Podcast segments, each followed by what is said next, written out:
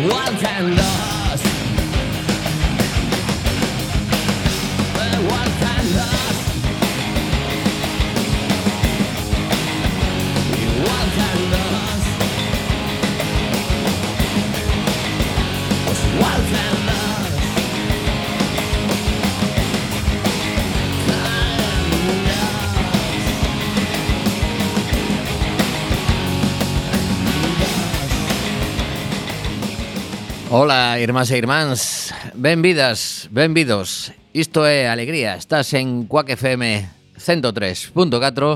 Estamos no estudio José Couso na Zapateira Coruñesa. Eh, aínda que parece increíble, vou dar unha nova con data de hoxe.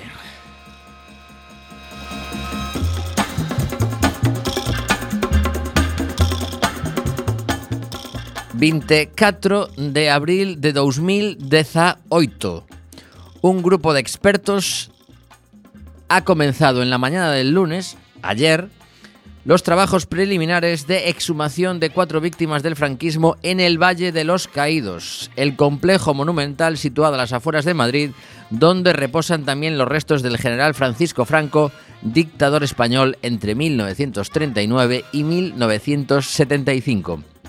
La recuperación de los restos se llevará a cabo por primera vez, voy a repetir, por primera vez, y después de, la- de que la justicia otorgara el permiso a los familiares para acceder a los osarios del monumento que guardan casi 34.000 combatientes de los dos bandos que lucharon en la Guerra Civil Española.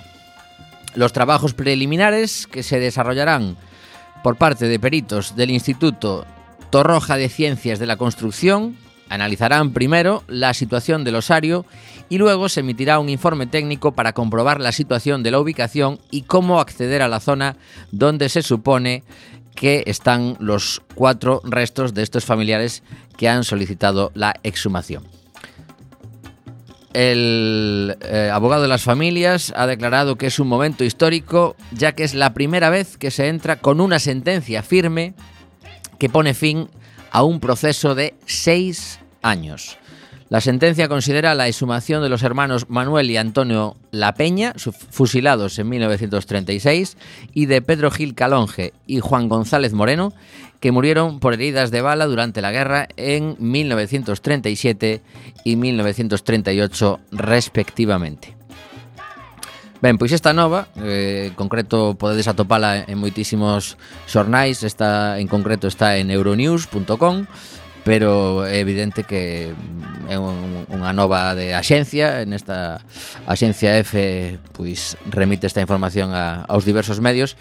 Eh, pois sí, 2018, que, te, que teñamos que ler que por fin, a día de onte, conseguiu unha, bueno, neste caso varias eh, tres familias, porque dous son irmáns, que se entrase a comprobar se ali están os corpos dos seus eh, familiares é absolutamente eh, esclarecedor sobre ata que punto levamos agochando un, un problema para tantísimas familias, porque isto, claro, ten máis repercusión polo feito de que está no Valle dos Caídos pero isto está a repetirse en moitísimas localidades españolas nas que eh, a través de, de persoas que mm, teñen visto onde se facían os fusilamentos ou por persoas que eh, lle transmitiron familiares que xa faleceron eh, datos aproximados sobre onde se facía esta barbaridade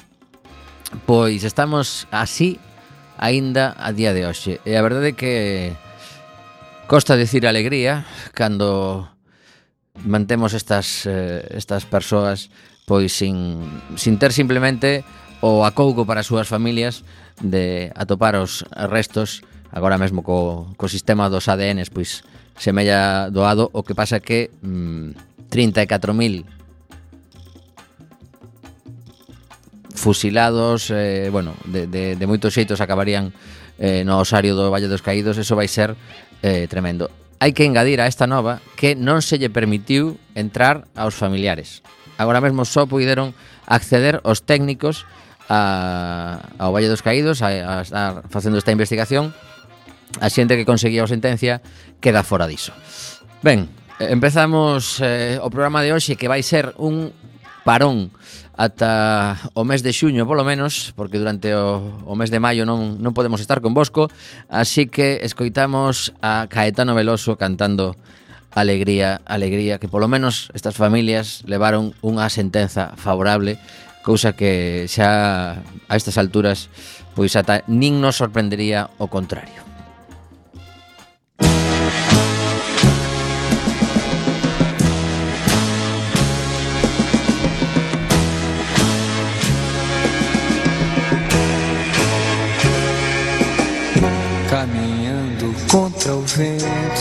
Sem documento, no sol de quase dezembro, eu vou.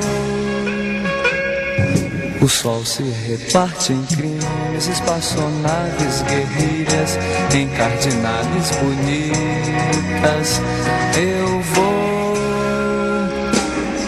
Em caras de presidentes, em grandes beijos de amor, em dentes, pernas, bandeiras, bomba e Brigitte Bardot. O sol nas bancas de revista me enche de alegria e preguiça. Quem lê tanta notícia, eu vou por entre fotos e nomes, os olhos cheios de cores, o peito cheio de amores.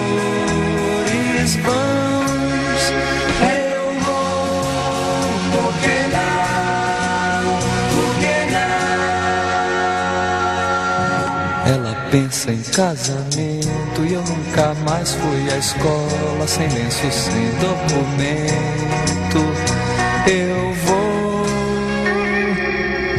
Eu tomo uma Coca-Cola, ela pensa em casamento e uma canção me consola. Eu vou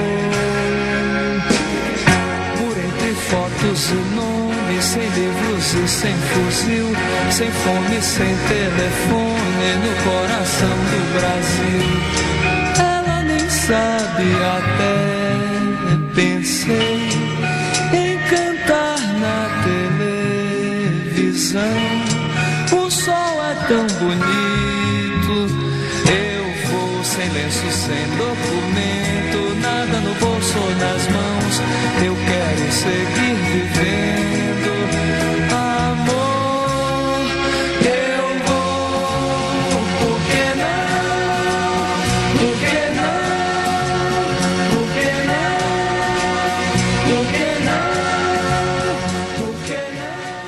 6 e 11 minutos. Eh, Temos a sorte de conseguir unha comunicación eh, por Europa diante con Iago Prada. Hola Diago, boa tarde. Que tal, boa tarde, sorte non sei eu, pero bueno, podémoslo facer. Sí, sí, está, estamos eh, escoitándote cunha perfección absoluta. Eh, Onde te atopas? Isto é como un pouco, busca a Wally, busca a Iago, onde estás? Sí, pois bueno, salín de Gante hai cousa dunha hora e estou camiño de Wuppertal, en Alemania. Uh -huh. Eh, pararei agora en Luxemburgo a botar gasolina, Vale, que dije máis barata. que Así que, así que bueno, por aquí arriba. Bueno, pois eh, Iago Prada está de xira por agora europea, logo será mundial seguro, presentando Ojalá. un, un documental eh, que se chama Bullfight, eh, ao mellor xa bichedes algo por redes sociais ou se non o fixechedes, despois agora falaremos dese tema. Eh, ca cando comezou todo este este proceso de achegarse ao mundo dos touros? Pois mira, isto ven do ano 2015 de agosto, cando se viralizou un texto de dun técnico de son que falaba da diferencia que había entre filmar unha tourada eh, como se fai en televisión ou filmala realmente pois sin mestrar o son de outro xeito, sin moito máis próxima, vamos, sin meter, sin meter adornos, por así decirlo. Eh, pre, bueno, plantexamos facer algo similar, de forma que, que non houbera ninguna edición, ninguna forma que de guiar a esa emoción do espectador, E, bueno, pois, pues, eh, tres anos despois aquí estamos tendo xa filmado o documental e distribuindo por aí adiante. Uh -huh. eh, isto agora contado así parece todo sinxelo e rapidísimo, pero sí. evidentemente teríades que facer miles de negociacións con, con empresarios de prazas de touros, con gan, ganaderías, con toureiros, non sei, como como sí, foi o proceso? Sí, sí, sí, sí. Pois pues mira, foron 10 meses eh, de negociacións con, con, con todo o que, dito, con todo que dixeches para, para lograr por fin unha plaza en, bueno, nunha, nun, nun pueblo de Castilla, Eh, meses negociando chamando todas as plazas cantas hai en España, máis de 900 e pico plazas, eh, bueno, pues para ver se si nos deixaban permiso para, para facer algo así, ah, para, contándolle sempre que, bueno, que queríamos facer algo moi objetivo e, e sin editar e, e tal cual, e, e como salira.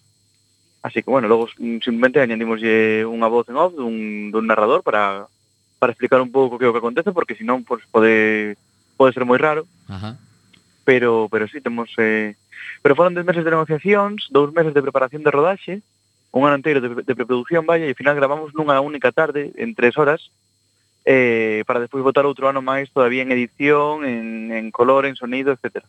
Ou seja, que estamos a falar dunha única sesión de grabación. Eh, cantas cámaras? Sete cámaras, levamos sete cámaras de cine con teleobxectivos a maioría, Eh, levamos en total 10 eh, micros, 4 deles ultradireccionais, eh, bueno, e logo equipos para tema de volcado de archivos, todo isto. Ajá. Eh, os, os micros, eh, algún deles estaba eh, posto no Toureiro, por exemplo, en algún dos, dos que estaban por, por, por ali polo ruedo? Sería sería estupendo telo feito así, pero foi totalmente imposible. Foi Ajá. totalmente totalmente imposible.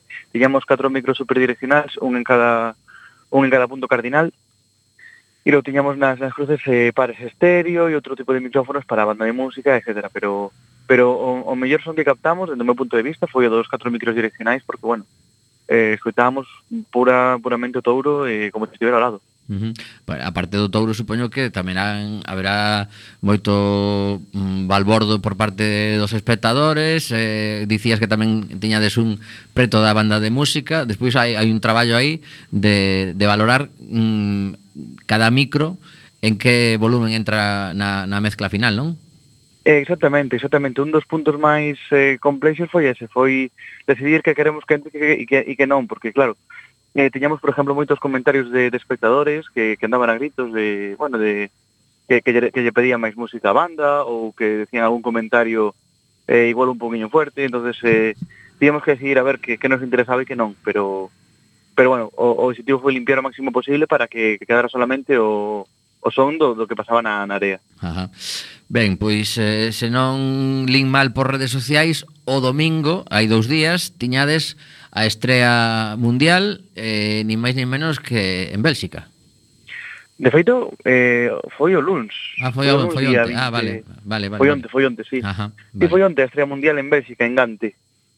Eh, foi eh, un exitazo total. Pois agora, foi... agora espera un segundo. Imos agora a estrea, pero déixame eh, como, como chega un non sei se foi un festival ou un promotor privado, alguén que di, non, eu quero que, que veñades a, a, a emitir, o sea, a proxectala por primeira vez eh, aquí? Pois mira, foi a través de despois de moitísimo traballo de, desde decembro hasta hasta hasta agora que que estivemos pues, chamando a todo a toda a xente que coñecíamos en Europa, preguntando por couchsurfing, preguntando por todo tipo de redes, a ver onde podíamos escribir unha película como esta. De 4000 e pico personas cos que falamos, que se dice moi pronto, eh, bueno, tivemos unha lista de 800 e pico salas. Desas 800 e pico, pois negociamos tal cual e conseguimos esta xira de, de 20 máis ou menos que son. Uh -huh. E un bo día, mm, cando tiñamos todo máis ou menos arranxado, un bo día de repente cheganos un correo de, de Cinarchi, unha distribuidora de cine local, independiente, que nos dixo, oye, si pasáis por Bruselas, joder, pues os consigo unha fecha e tal, e bueno, perfecto. Eh, negociamos con eles e nos dixeron de vir para, para aquí, para Gante, para estrenar onte, onte en Gante. Uh -huh. A verdade é que de que fora a primeira foi, foi casualidade, porque non non lle damos ninguna importancia que a primeira, vamos, vale, eh, a que vale. nos cuadraba de paso. Ajá. Pero coincidiu. Bueno, y, pues, y eh, encantadísimo. Eh, vale, pois pues vos plantades eh, un luns de abril eh, un sitio que non vos coñece ninguén, e que sucede? Pois pues que enchemos a sala. Así, Así en poucas palabras. O sea, o que, o que se chama así nos términos destos que facemos bolos, o sold out. Eso que mola moito. O sold out, ¿no? exactamente, sí, sí, sí, sí total, totalmente, totalmente. En términos sobrinos, yo no está la bandera. Eh, eh. Pero sí, no, fixemos, fixemos sold out e, e, e moi ben, a verdad. O sea, foi, foi un placer, porque despois tivemos ademais unha charla co, coa xente que asistiu, fixeron preguntas moi interesantes e houve opinións de todos os tipos. Eh, ademais, bueno, mm, ademais da proxección, levamos tamén unha exposición de fotografías e de armas de, que se empregan na tobromaquia, co cual a xente pois pois podía, ademais de velo no documental e de escoitalo, tocalo e sentilo e, e ver, bueno, velo moito máis de cerca tamén. Ajá, o sea, Entonces, que, eh, a verdade que, que estou moi contento con como, con como quedou. Unha, unha experiencia xa case eh, en, en tres dimensións, pero de verdade. O sea, ti primeiro... Sí, sí, totalmente ves a peli e despois dis, vale, pois pues eso que estaba vendo como, como yo clavaban a, porque simplemente unha, unha banderilla que un, nunca tiven unha de verdade así na man, xa debe ser un obxecto bastante impresionante, non? Sí, a banderilla a mí personalmente non é o que máis me impresiona, pero xa velo, ver ese arpón, que son, son 6 centímetros de arpón, eh, e, e pensar que lles clavan de dous en dous e que lle clavan 6 ou, ou dependendo de se si expón, si, si, si expón o toureiro poden ser ata 8 uh -huh. xa impresiona un montón. A mí o que máis me impresiona personalmente é a pulla. Ajá. A pulla é unha pirámide triangular de 3 centímetros de alto sobre unha base circular cilíndrica de, con encordado que serán uns 4 centímetros de diámetro e 6 centímetros de alto, en total 9 centímetros. E, e eso é moi moi impresionante velo. Unha cousa dicilo e outra é telo, telo diante e velo e tocalo porque ves, tocas as follas da, desa pirámide que están tan afiladas como un bisturí e, e bueno, a xente tamén o que máis impresiona, verdad? Ajá. Eh, vin que, que tivechedes a, a xente escribindo as súas impresións despois da peli que publicachedes uh -huh. alguna, alguna folla no vosso Facebook certo que hai que hai que dicirlle a xente que estades a, a pedir tamén colaboración para que esta xira poda poda estenderse a moitos máis sitios. Eh, coméntanos eh, eso, pois eh, a páxina web na que tedes todo o proxecto eh, e como estades a cadar, pois non sei se a través de PayPal ou os donativos como como como plantexades. Pois exactamente. Mm, bueno, eh, temos a páxina do documental bullfight-doc.com antes que se me olvide, e máis a páxina de Facebook, que é Bullfight Documentary moi internacional. Ajá. Entonces, eh, hai un par de días ou, bueno, hai unha semana xa, puxemos eh, pois foi botenos oportunidade de crear unha tenda online, onde puxemos un, un par de artículos, un par de fanzines en PDF, en versión papel, e fotografías de, do documental que, que, que son as que estamos a expoñer que, que tomou Almudena Cez. Entonces, eh, o que, moita xente nos, nos, nos, nos viña preguntando como facer para colaborar, se aceptábamos donacións e tal, que, bueno, eh, perfecto, pois montamos a tenda e quen queira, pois, eh, a través de, de, desa páxina, nos pode directamente contactar, pasámoslle o, o PayPal ou o número de conta que prefira e mandamos unha recompensa a cambio, unha pequena recompensa como un crowdfunding, pero sin límite de tempo e sin límite de mínimos. Uh -huh. eh, o percorrido que pode ter este documental, supoño que dentro desas 4.000 chamadas eh, en ratos libres tamén teredes mirado uns cantos eh, festivais nos que se obteñen premios de verdad, o sea, premios eh, económicos, que seguramente tamén será un da, unha das posibilidades para financiarvos, non? Sí, temos mirado algún outro festival e, e de feito, bueno, nunha semana ou dous empezaremos a, a enviar a festivais, pero non é a nosa prioridade, de verdad? Non é a nosa prioridade porque o tipo de público, o, o tipo de público que vai a, a festivais de cine non é o tipo de público de Bullfight. Entón, isto non quer dicir que, que Bullfight non, non poda triunfar ou non, non o sei, no Festival de Cine, pero non é a nosa prioridade agora mesmo. Ajá. Non sei se me explico. Sí, sí, Temos máis, moito máis interese en, en chegar a Europa e explicar a Europa, a España, a diferentes sitios, e explicarlle a xente máis, máis, máis corriente que é unha tourada, que, que en chegar a un festival de cine e, e, e que nos feliciten por facer unha boa película, que agradecese moitísimo e, estaría, e sería estupendísimo, pero, pero temos un objetivo máis de... Mm, máis, máis, máis directo, máis directo coa xente falabas de España eh, esa fase xa está perfilada ou, ou é un tema a medio prazo? É un tema a medio prazo, pero eu coido de coido que, que estaremos en España entre setembro e outubro. Porque, bueno, temos xa a raíz de que anunciamos e sacamos o tráiler, recibimos un montón de chamadas, viralizouse moi ben, e, e nos pediron en un montón de sitios, en falo de, de Levante, falo de Andalucía, falo do norte de, de Euskadi, eh, falo de Madrid, nos pediron recitar nun montón de sitios e agora só nos falta, bueno, a resposta foi sempre a mesma. Dixemos, bueno, mira, estamos hasta arriba coa xera europea, en junio falamos. E agora, pois, pues, cando chegue, cando chegue o momento, intentaremos pechar todo o que poidamos para, para estar no maior, punto, no, no, no maior número de sitios en, en España, Portugal tamén, por suposto, e se todo vai ben, se todo vai ben, estaremos en Latinoamérica a finais de ano. Uh -huh. Eso sería como que un soño, pero pero bueno, é un soño que se pode cumplir. Bueno, hai que dicir que falamos con Iago hai un tempo por a súa expedición australiana. Eh, os, os contactos por ali aínda os mantés, supoño que tamén pensarías neles, non? Eh, sí, sí, pero bueno, ali xa é demasiado diferente, quero decir, en, en Alemania, en Francia, bueno, en Francia non que todavía touradas, pero en Alemania, en Polonia, en por aquí, ainda lles queda como que algo máis máis máis de preto. En, en Australia, bueno, bueno, como algo moi moi moi moi lonxano. Uh -huh e, e non sei se si, non sei se si ter cabida por por alá. O mellor en, en Xapón, en Xapón que dicían que estaban aí había unha, unha afección a, a todo relacionado con Andalucía, o flamenco, e, creo que tamén estaban pois bastante afeitos a que cando veñen a España os leven a ver touradas, ao mellor tes aí outro outro filón, ese a topar un, un distribuidor por ali porque digo eu, en algún momento terás que mm, aparcar eh, o, o, o tema de viaxar a cada proxección, porque senón isto, isto vai ser sí. Eh, eh, infinito. Sí, bueno, a min gustaríame tamén, tamén te digo, verdade, eh? a min gustaríame moitísimo visar a, a Xapón agora mismo, pero pero pero bueno, no, si sí, non é un momento haber que paralo, haber que paralo, vamos a facer agora por Europa porque estamos facendo proxección, máis exposición de fotos, máis exposición de arma, máis charla co director, uh -huh. pero pero cando se xa proxección solamente, será proxección solamente. Que, quenes estades no, na, na expedición? Nesta expedición neste, nesta ruta europea, de momento, de momento, hasta dentro de uns cuantos kilómetros, estaría eu solo. Caramba. Despois eh, acompañará outra compañeira de, de produción, pero pero de momento hasta polo menos Polonia viaxarei eu, eu só. Uh -huh. eh, xa a, a nivel persoal, que, que te estás atopando cando, cando chegas a un, a un lugar novo eh, tedes que facer a, a prova de que iso funciona, que se vai poder proxectar sen problemas, eh, tedes as, as típicas conversas previas de formatos e eh, eh, tipos de, de, de, de eu que sei, pues de, de proxector no que se vai poñer ou isto xa é un, un Blu-ray ou como se cheva, como se leva isto por aí? Esto, esto de siempre. De, eh, falamos siempre, do, por supuesto, de, de formatos, de conectores, de equipos, de todas estas cosillas, eh, pero sempre chegar sempre algún problema e ese é o que teñamos a, palabra do non vale e hai que poñer outro. Ajá. Entonces, bueno, eh, vamos con dous discos duros e catro pendrives, con copias en todos os lados. Eh, levo Claro. copias na mochila, levo copias no coche, levo copias no, no peto, levo copias en todos os sitios. eh, levamos un montón de un montón de cableado, un montón de equipo, bueno, vai o, o, o coche vai, vai o maletero cheo de, de, de, de cacharros para, para poder conectar uh -huh. e que funcione todo.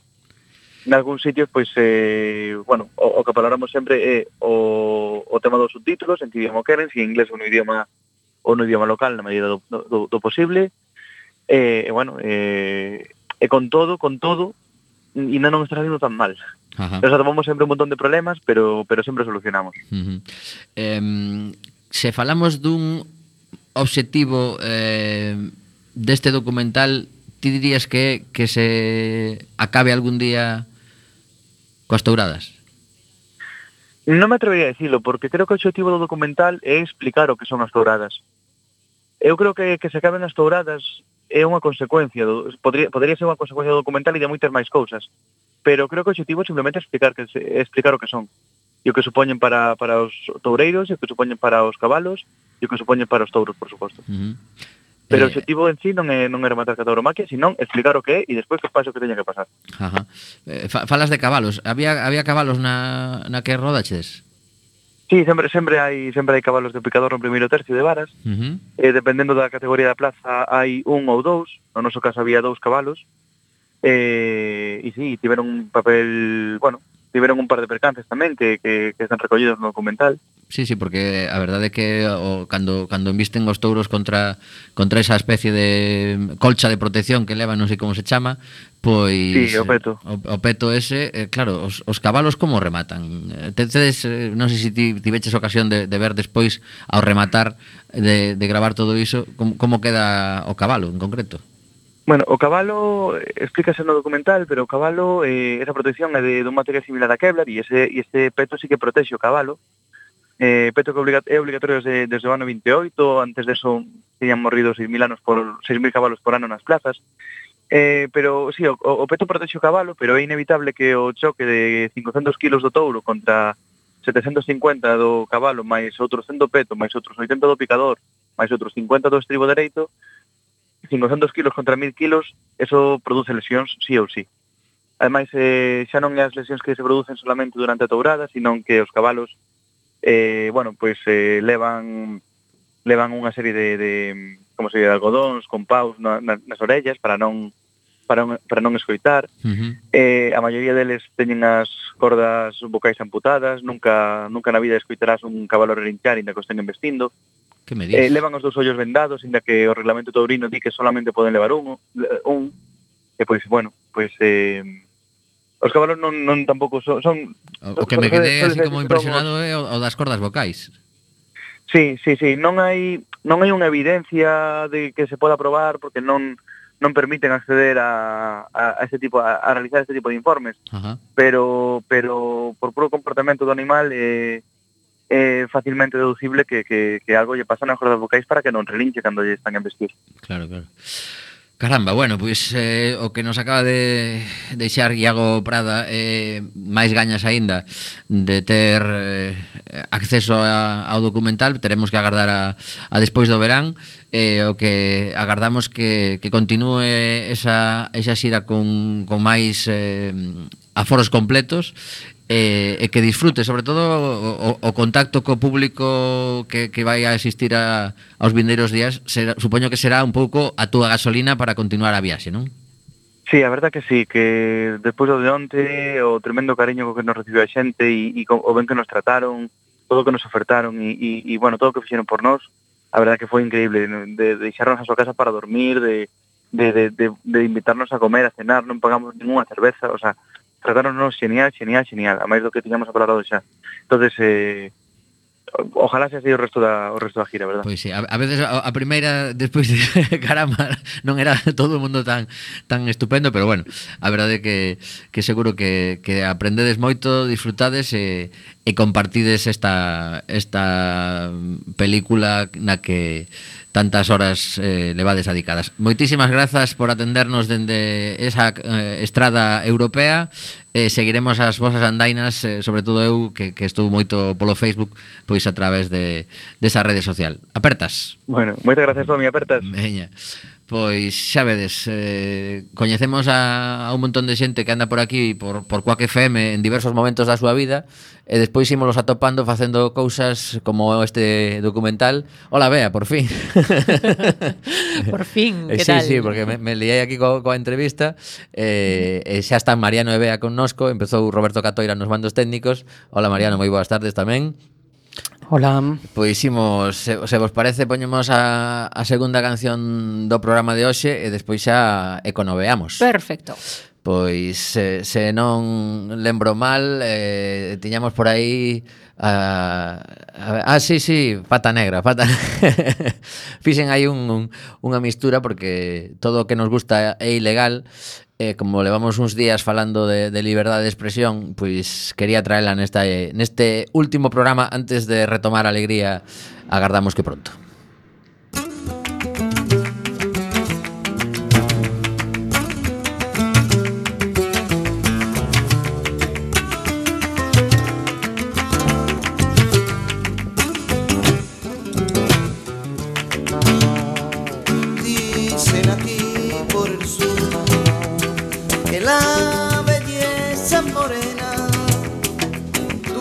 Dulce como la canela, la menta y el oro sur, que quita toda la pena.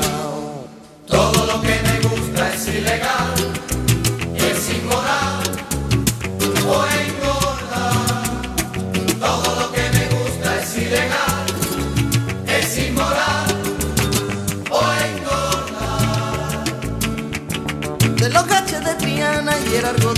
vacilón. Candela en el artesano y en la plazuela tomando el sol. Bailaba por bulería y en lo harto de una escoba.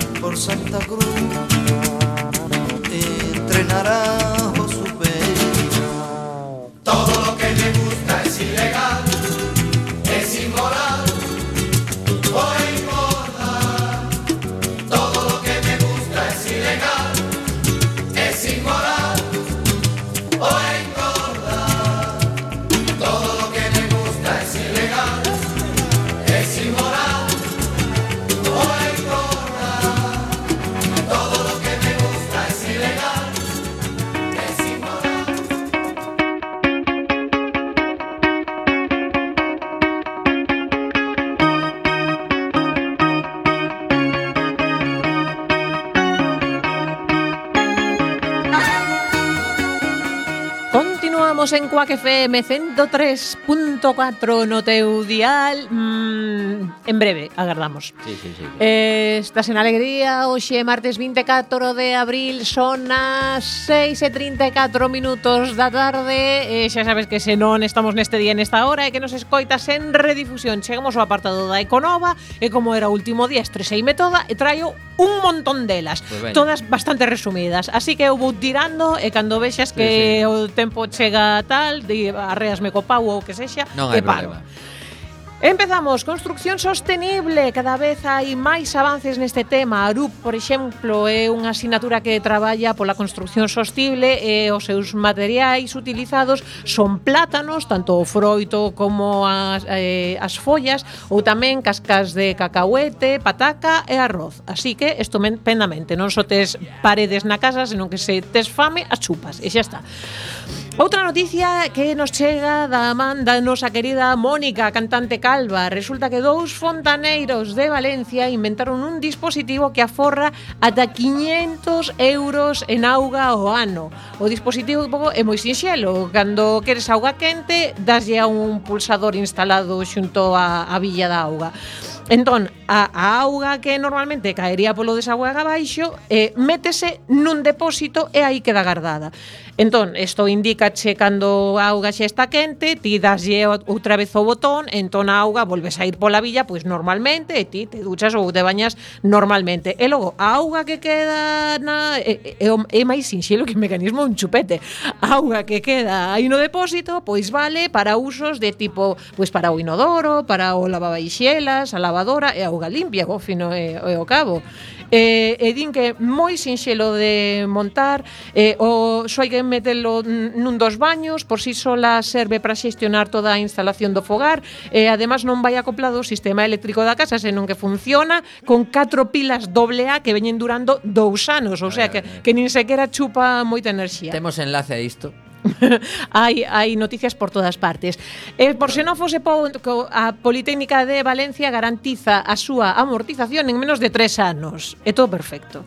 E xa, e xa está en venta, eh, que non é unha cousa teórica. No, no, xa hai países de... Isto hai que compartilo en redes sociais porque isto... Xa hai lugares en Estados Unidos eh, eh, en Hispanoamérica nos que está en, en venda, así que eh, é, eh, é o futuro, nenos, eh, vai chegar en calquera momento. E pregunto eu, en televisión española hai algún programa dedicado aos inventores españois?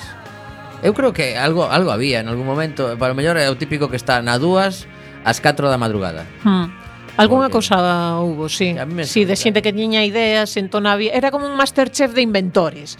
E, entón había un grupo de persoas pois que valoraban se a idea era boa ou non, se sí, valería un rollo, pena. xa, xa máis en plan concurso de investimento. Chegaba ali un decía Sí, non chegaba vamos, tanto, pero sí. pero bueno, era un pouco así, Oye, pero poñan... pero así como tema xenérico de xente que inventa cousas, claro, claro. pois creo que non.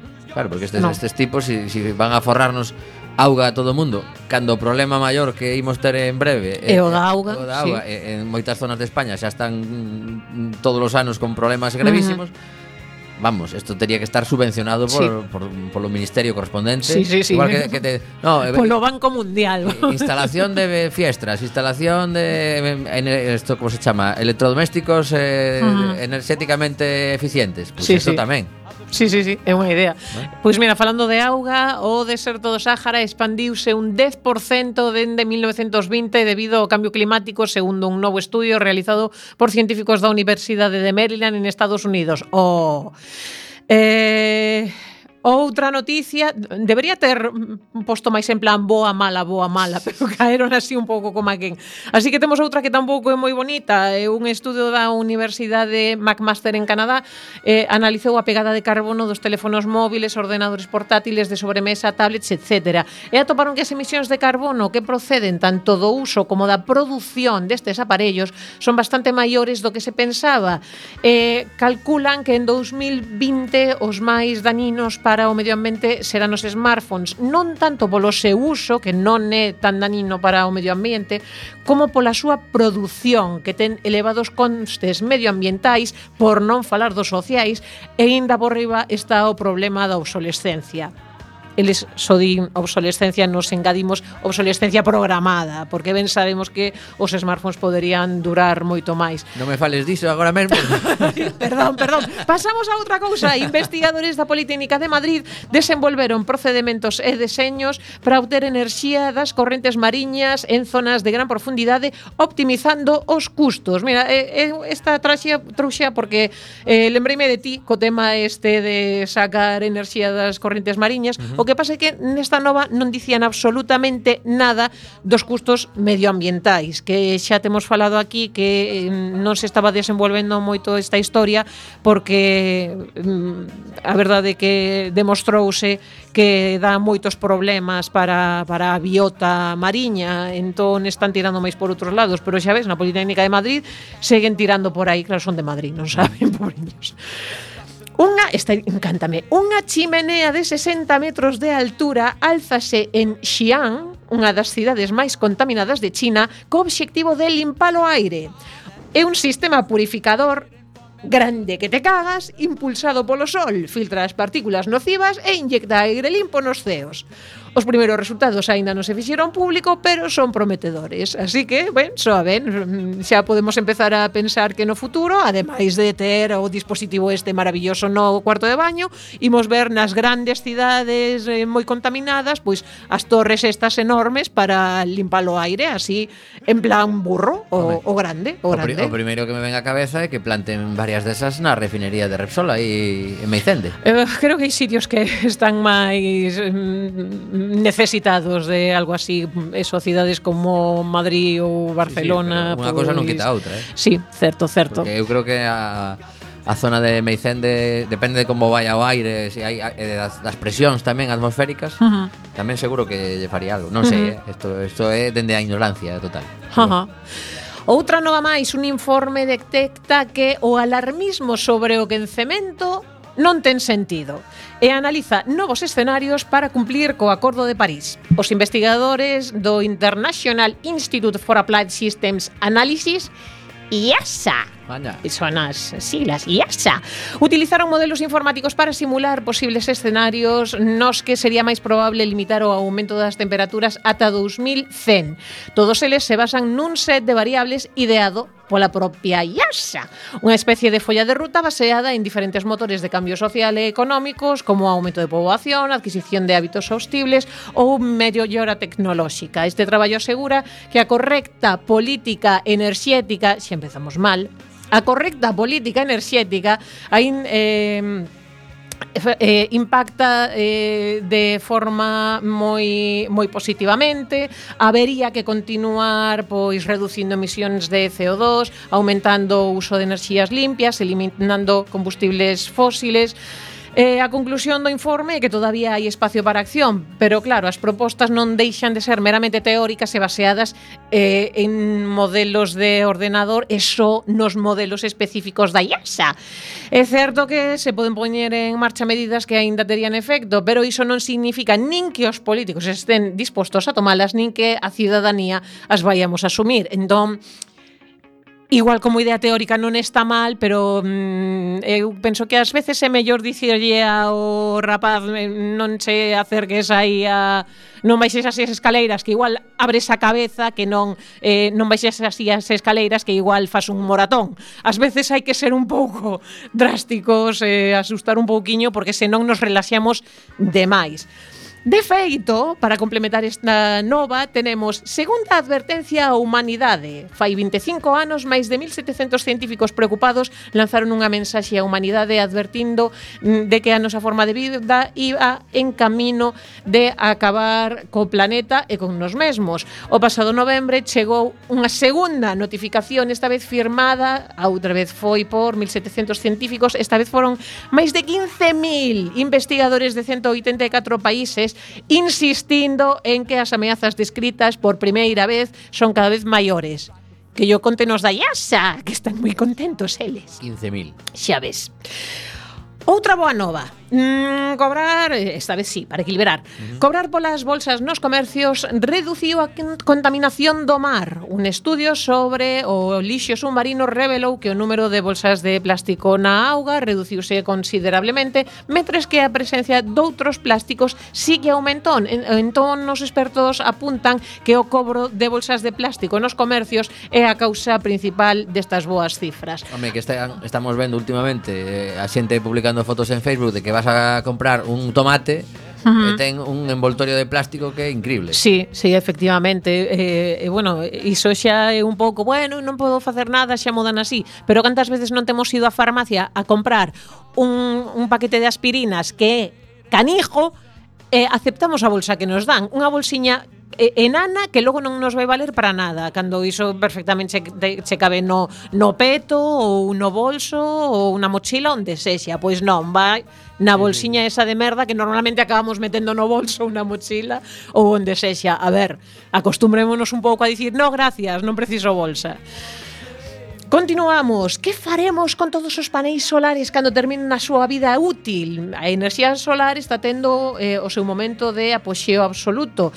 Eh, no mundo están crecendo moitísimo a cantidade de paneis instalados e calculase que eh, para o 2050, como a vida útil destes paneis é de 25 a 30 anos, tenemos aproximadamente 70 millóns de toneladas de residuos en paneis no mundo. Na actualidade, só na Unión Europea hai regulacións específicas no campo da reciclaxe. A maioría dos países do mundo o clasifican como lixo ou material industrial e non lle fan moito máis.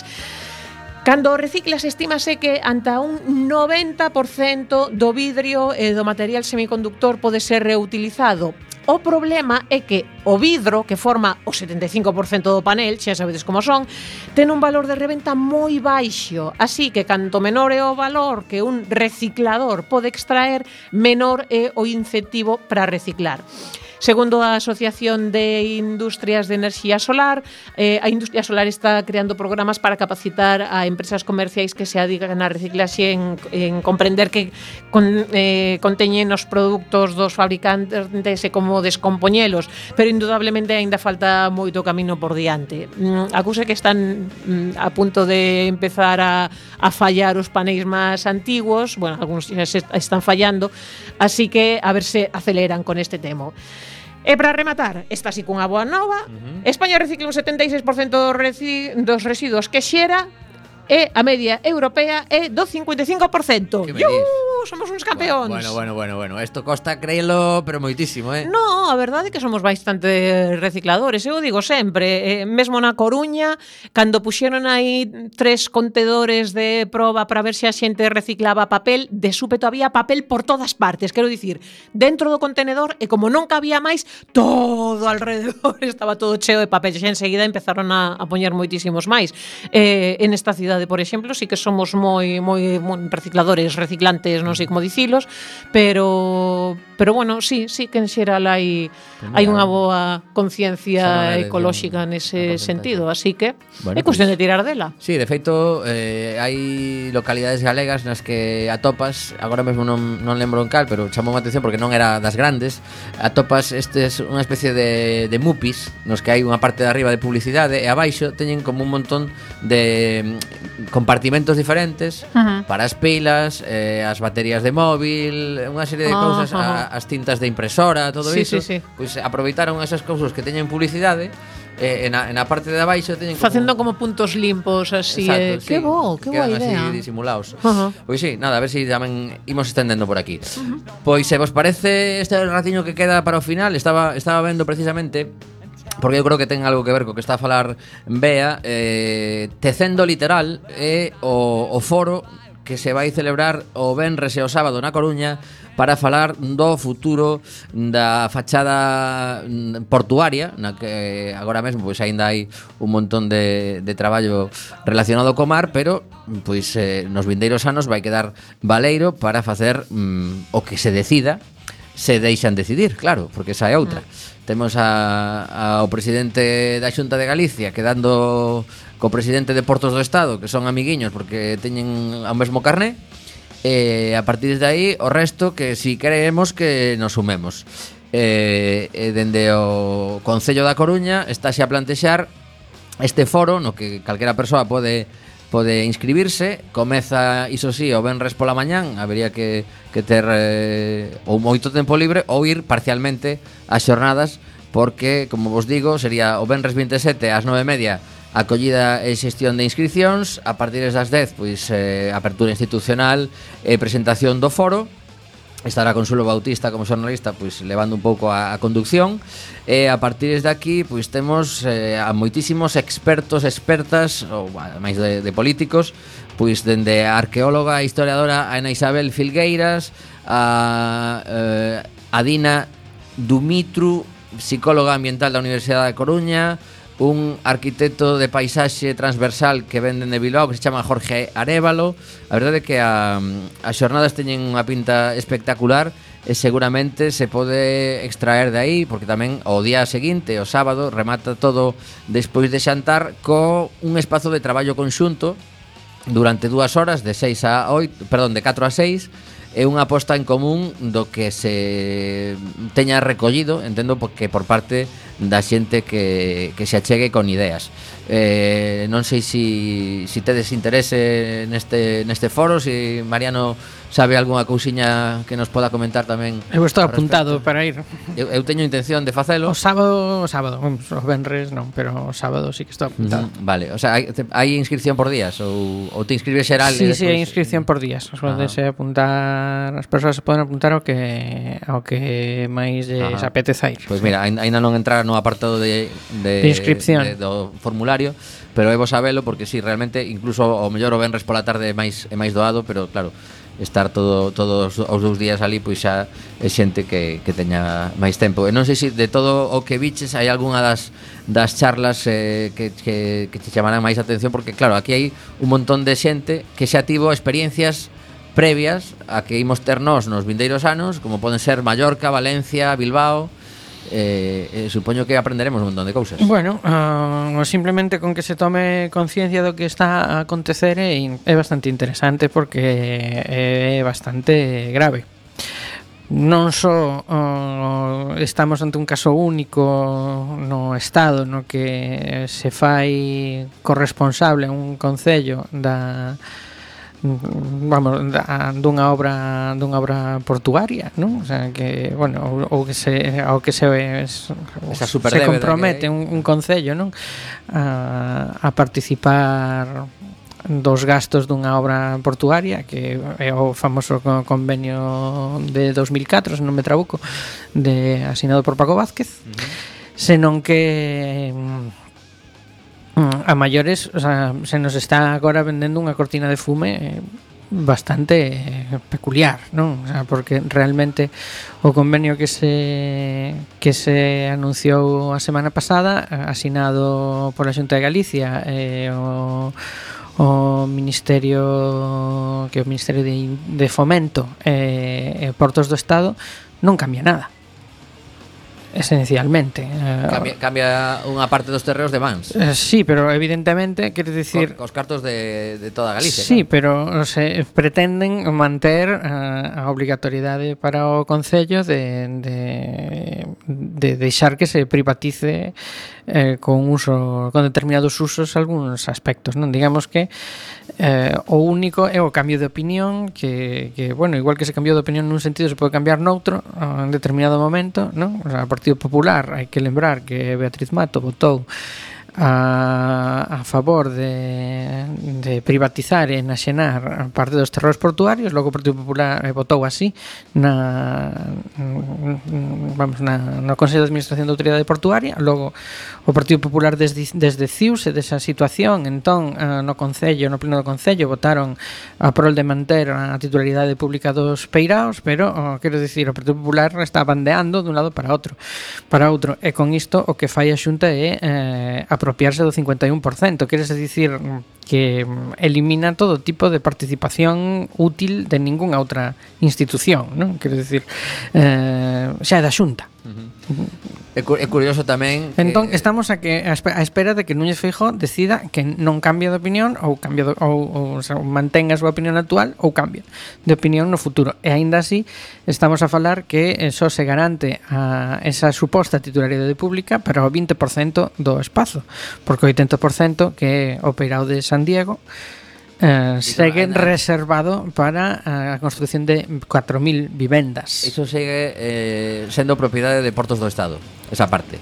Eso sigue sendo parte de Portos de Estado, aínda que eh, por lo que se, por lo que desvelaron, eh, hai unha participación, o sea, da Xunta tamén no, o sea, deses 20 millóns que que van poñer, unha parte é para eses terreos. O que a mí me resulta difícil de comprender é eh, por que a Xunta, unha entidade pública, paga a outra entidade pública 20 millóns para que as cousas que son públicas continúen a ser públicas. Porque... Eso é o que nin, o, sea, o que realmente eh... Sí, sí, sí, sí. Eh, Portos do Estado, que o, o seu presidente José Llorca declarou eh, no Congreso nunha nunha conversa, bueno, nunha unha comparecencia, perdón, non temos ningunha vocación de facer cidade, queremos pagar débedas. Isto está entre comillas porque eu escoitei o vídeo e dixo exactamente iso. Eh, bueno, polo menos é sincero. Sí, sí, sí, sí. O que pasa é que eh, eu librei, agora o que pasa que vos, aí. o que pasa é que brutalmente alarmante en que sí. que unha autoridade pública eh, afirme esas cousas e que non teña ningún tipo de consecuencia, porque estamos a falar dun porto urbano, eh? non estamos a falar dun dun porto exterior, non estamos a falar de, sí, sí, de sí, nada diso, estamos a falar dun, dun, dun, da fachada, dunha fachada literal dunha cidade. Aquí chega un momento no que eh, o, o resto de cidades que viviron situacións similares estaría ben, o mellor, que teñan mocións de apoio a Coruña para dicirlle ao Estado, mira, isto, isto que está dicindo este home, eh, si, si nos tivese pasado a nós... Hai que lembrar que en Valencia o seu porto pasou a mans da cidade e ademais a maiores eh, organizou ali primeiro a, a Copa América e despois un campeonato mundial de Fórmula 1 neses terreos pero que tens que ter as siglas correctas para que suceda Con pólvora do rei. Ah, ou seja, que o mellor, o mellor imos facer eh, un circuito de, de Fórmula 1 aí en San Diego. Non temos tantos, bueno, en, en San Diego sí, pero a ver, o que pasa é que en San Diego está toda a industria pesqueira local. Uh -huh pero o mellor tamén plantexan movela dai. Sí, o porto exterior, non? Bueno. Non sei. Non parece, non se me moi viable. Non che sei, non che sei. Aquí a ignorancia é importante. Bueno, pois eh, temos que empezar a, a despedir o, o programa de hoxe. A verdade é que traía aquí unha cantidade de novas espectacular, porque acabo de ler que van facer unha, un experimento Se si buscades en praza.gal Van facer un experimento para que entre a fronteira galega Entre Vigo e... Eh, e a fronteira portuguesa haxa mm, circulando coches sen condutor. Oh. Como experiencias piloto. Que guai. Ademais de, de potenciar o tren que nos podería levar dende a Coruña ata Lisboa sin baixarnos. Guai. 400 millóns de euros que estaría calculado o investimento do eixe atlántico deses fondos europeos para que soterren mm. uh o, o tren se salte a desviación que fai por Porriño e vaya directo a, dende a Coruña ata Lisboa, directo parando nas cidades principais, pero vamos, eso sería un puntazo. Mm. Evidentemente estamos a falar dun proxecto a longo prazo, pero como non nos dá tempo, pois eh, deixamos aquí os micros de Quack FM, agardamos voltar en, en xuño, paramos en maio, pero mellor en xuño facemos uns programiñas porque ímolo precisar para non estar tantos meses sin visitar o José Couso, así que eh, bicos para Isa, eh, voltamos en, en breve. Sí. Voltamos cando voltemos.